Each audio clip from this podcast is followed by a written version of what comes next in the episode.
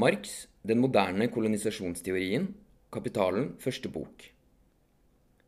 Sosialøkonomien forveksler prinsipielt to høyst forskjellige slags privateiendom, den som er basert på produsentenes eget arbeid, og den som bygger på utbytting av fremmedarbeid. Den glemmer at den sistnevnte ikke bare utgjør en direkte motsetning av den førstnevnte, men at den bare kan vokse frem på den førstnevntes grav. I den vestlige delen av Europa, sosialøkonomiens hjemland, er den opprinnelige akkumulasjonen mer eller mindre fullbyrdet. Det kapitalistiske regimet har enten direkte underlagt seg hele den nasjonale produksjonen, eller den kontrollerer i det minste, under mindre utviklede forhold, indirekte de rudimentære samfunnslagene som sogner til foreldede produksjonsmåter, og som eksisterer ved siden av kapitalismen.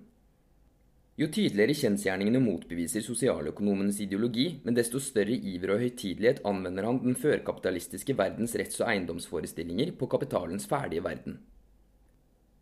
Annerledes forholder det seg i koloniene. Det kapitalistiske regimet møter der stadig som et hinder en produsent som i egenskap av sine egne arbeidsvilkårs eier beriker seg selv gjennom sitt arbeid, og ikke kapitalisten. Motsigelsen mellom disse to diametralt motsatte økonomiske systemene kommer praktisk til uttrykk i kampen mellom dem. Hvor kapitalisten har moderlandets makt som ryggdekning, forsøker han med makt å utrydde den produksjons- og tilegningsmåten som beror på eget arbeid. Den samme interessen som i moderlandet får kapitalens psykofant, sosialøkonomen, til å forklare den kapitalistiske produksjonsmåten teoretisk som motsetningen av det den virkelig er, den samme interessen oppmuntrer ham i koloniene, to make a clean breast of it, til høylytt å proklamere motsetningen mellom de to produksjonsmåtene.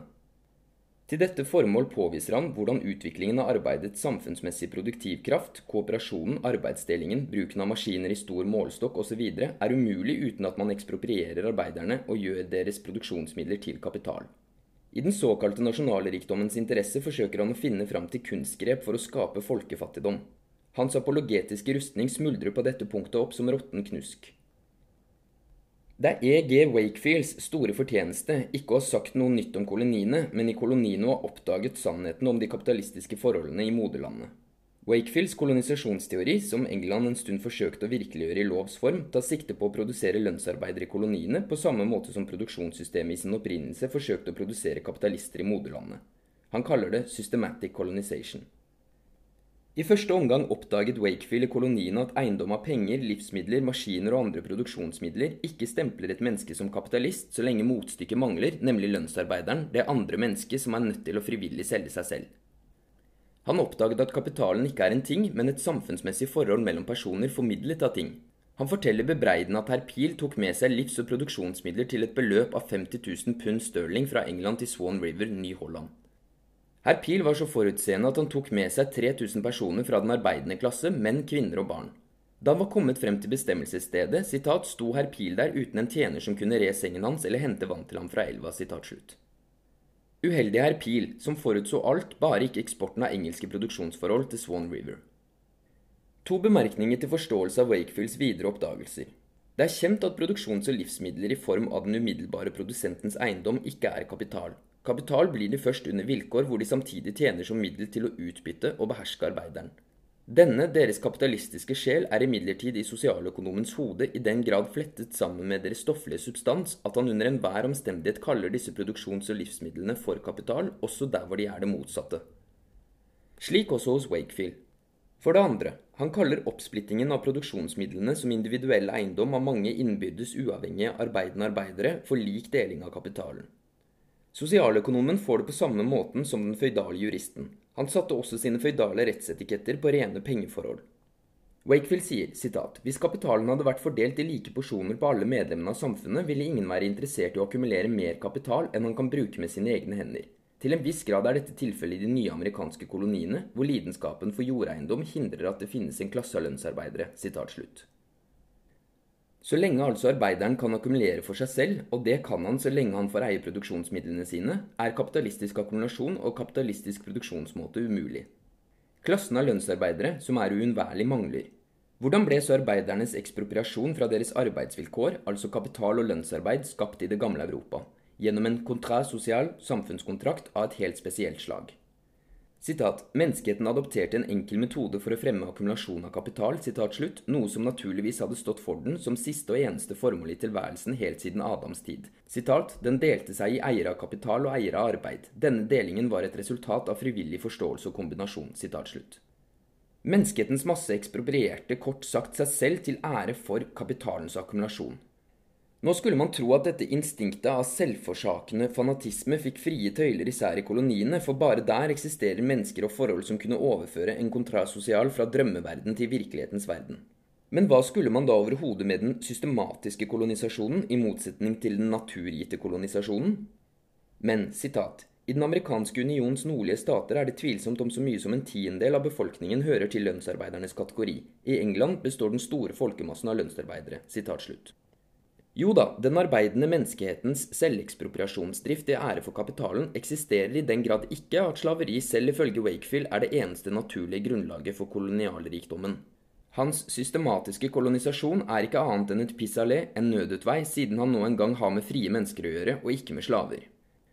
Sitat, De første spanjolene som slo seg ned i Santo Domingo, fikk ingen arbeidere fra Spania. Men uten arbeidere, sitat slutt, dvs. Si uten slaveri, sitat, ville kapitalen bli ødelagt, eller i det minste skrumpet sammen til så små mengder at hvert individ kan bruke den med sine egne hender. Dette skjedde faktisk i den siste kolonien engelskmennene opprettet, hvor en stor kapital av frø, kveg og instrumenter gikk tapt som følge av mangel på lønnsarbeidere, og hvor ingen nybygger eide stort mer kapital enn han kan bruke med sine egne hender. Sitat slutt. Vi har sett at folkemassens ekspropriasjon fra jord og grunn danner grunnlaget for den kapitalistiske produksjonsmåten. Det vesentlige ved en fri koloni består derimot i at hovedmengden av jord fremdeles er folkeeiendom, og at enhver nybygger derfor kan forvandle en del av den til sin privateiendom, til sitt individuelle produksjonsmiddel, uten at han dermed hindrer senere nybyggere i å gjøre det samme.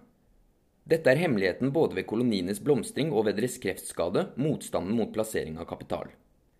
Sitat hvor jord er svært billig og alle mennesker er frie, hvor enhver etter ønske kan få et stykke jord for seg selv, er arbeidet ikke bare meget dyrt hva angår arbeiderens andel i produktet hans, selve vanskeligheten består i å få tak i kombinert arbeid til noen pris over hodet.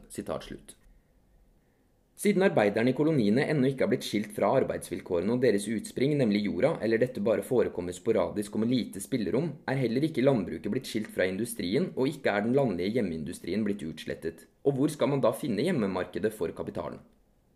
Sitat. Ingen del av Amerikas befolkning er ren landbruksbefolkning, med unntak av slavene og dem som bruker dem, som kombinerer kapital og arbeid i store bedrifter.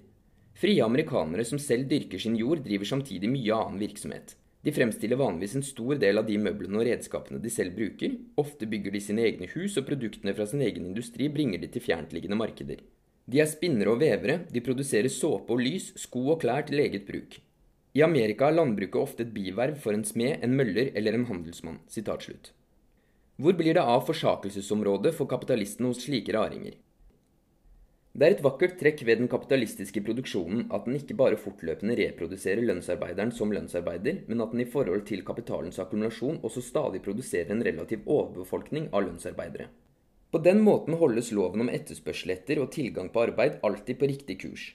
Lønnsvariasjonene holdes innen grenser som er tiltalende for kapitalistisk utbytting, og endelig garanteres arbeiderens uunnværlige sosiale avhengighet av kapitalisten.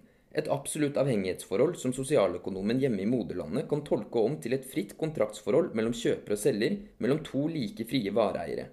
Eierne av varen kapital og eierne av varen arbeid. Men i koloniene slår dette vakre bildet sprekker. Den absolutte befolkningen øker her raskere enn i moderlandet, siden mange arbeidere kommer til verden i voksen alder, og allikevel er arbeidsmarkedet alltid underdekket. Loven om etterspørsel etter og tilgang på arbeid holder ikke lenger. På den ene siden kaster den gamle verden kontinuerlig kapital inn på dette markedet, kapital som ønsker å utbytte, ønsker å forsake. På den andre siden møter den regelmessige reproduksjonen av lønnsarbeidere som lønnsarbeidere uheldige og til dels uovervinnelige hindringer. For ikke å snakke om produksjonen av overtallige lønnsarbeidere i forhold til kapitalens akkumulasjon. Dagens lønnsarbeider kan i morgen bli selvstendig bonde eller håndverker. Han blir borte fra arbeidsmarkedet, men blir ikke borte i et workhouse. Det at lønnsarbeidere stadig forvandles til uavhengige produsenter som arbeider for seg selv i stedet for kapitalen, som beriker seg selv og ikke kapitalisten, virker negativt tilbake på tilstanden på arbeidsmarkedet. Ikke nok med at utbyttingsgraden forblir uanstendig lav. Sammen med avhengighetsforholdet av kapitalisten mister lønnsarbeideren også avhengighetsfølelsen av den forsakende kapitalisten. Det er roten til alle de mislige forholdene hvor gode E.G. Wakefield skildrer så villig, så velmenende og så rørende. Han klager over at tilgangen på lønnsarbeidere verken er stabil, regelmessig eller tilstrekkelig. Den er citat, stadig ikke bare for liten, den er også usikker. Citat, slutt. Sitat, til tross for at det er et stort produkt som skal deles mellom arbeider og kapitalist, tar arbeideren en så stor del at han fort blir kapitalist. På den annen side kan få akkumulere store rikdomsmasser selv om de får et usedvanlig langt liv. Arbeiderne lar kapitalistene simpelthen ikke få lov til å gi avkall på å betale den største delen av arbeidet deres. Det hjelper ikke at han er lur nok til sammen med sin egen kapital også å importere egne lønnsarbeidere fra Europa.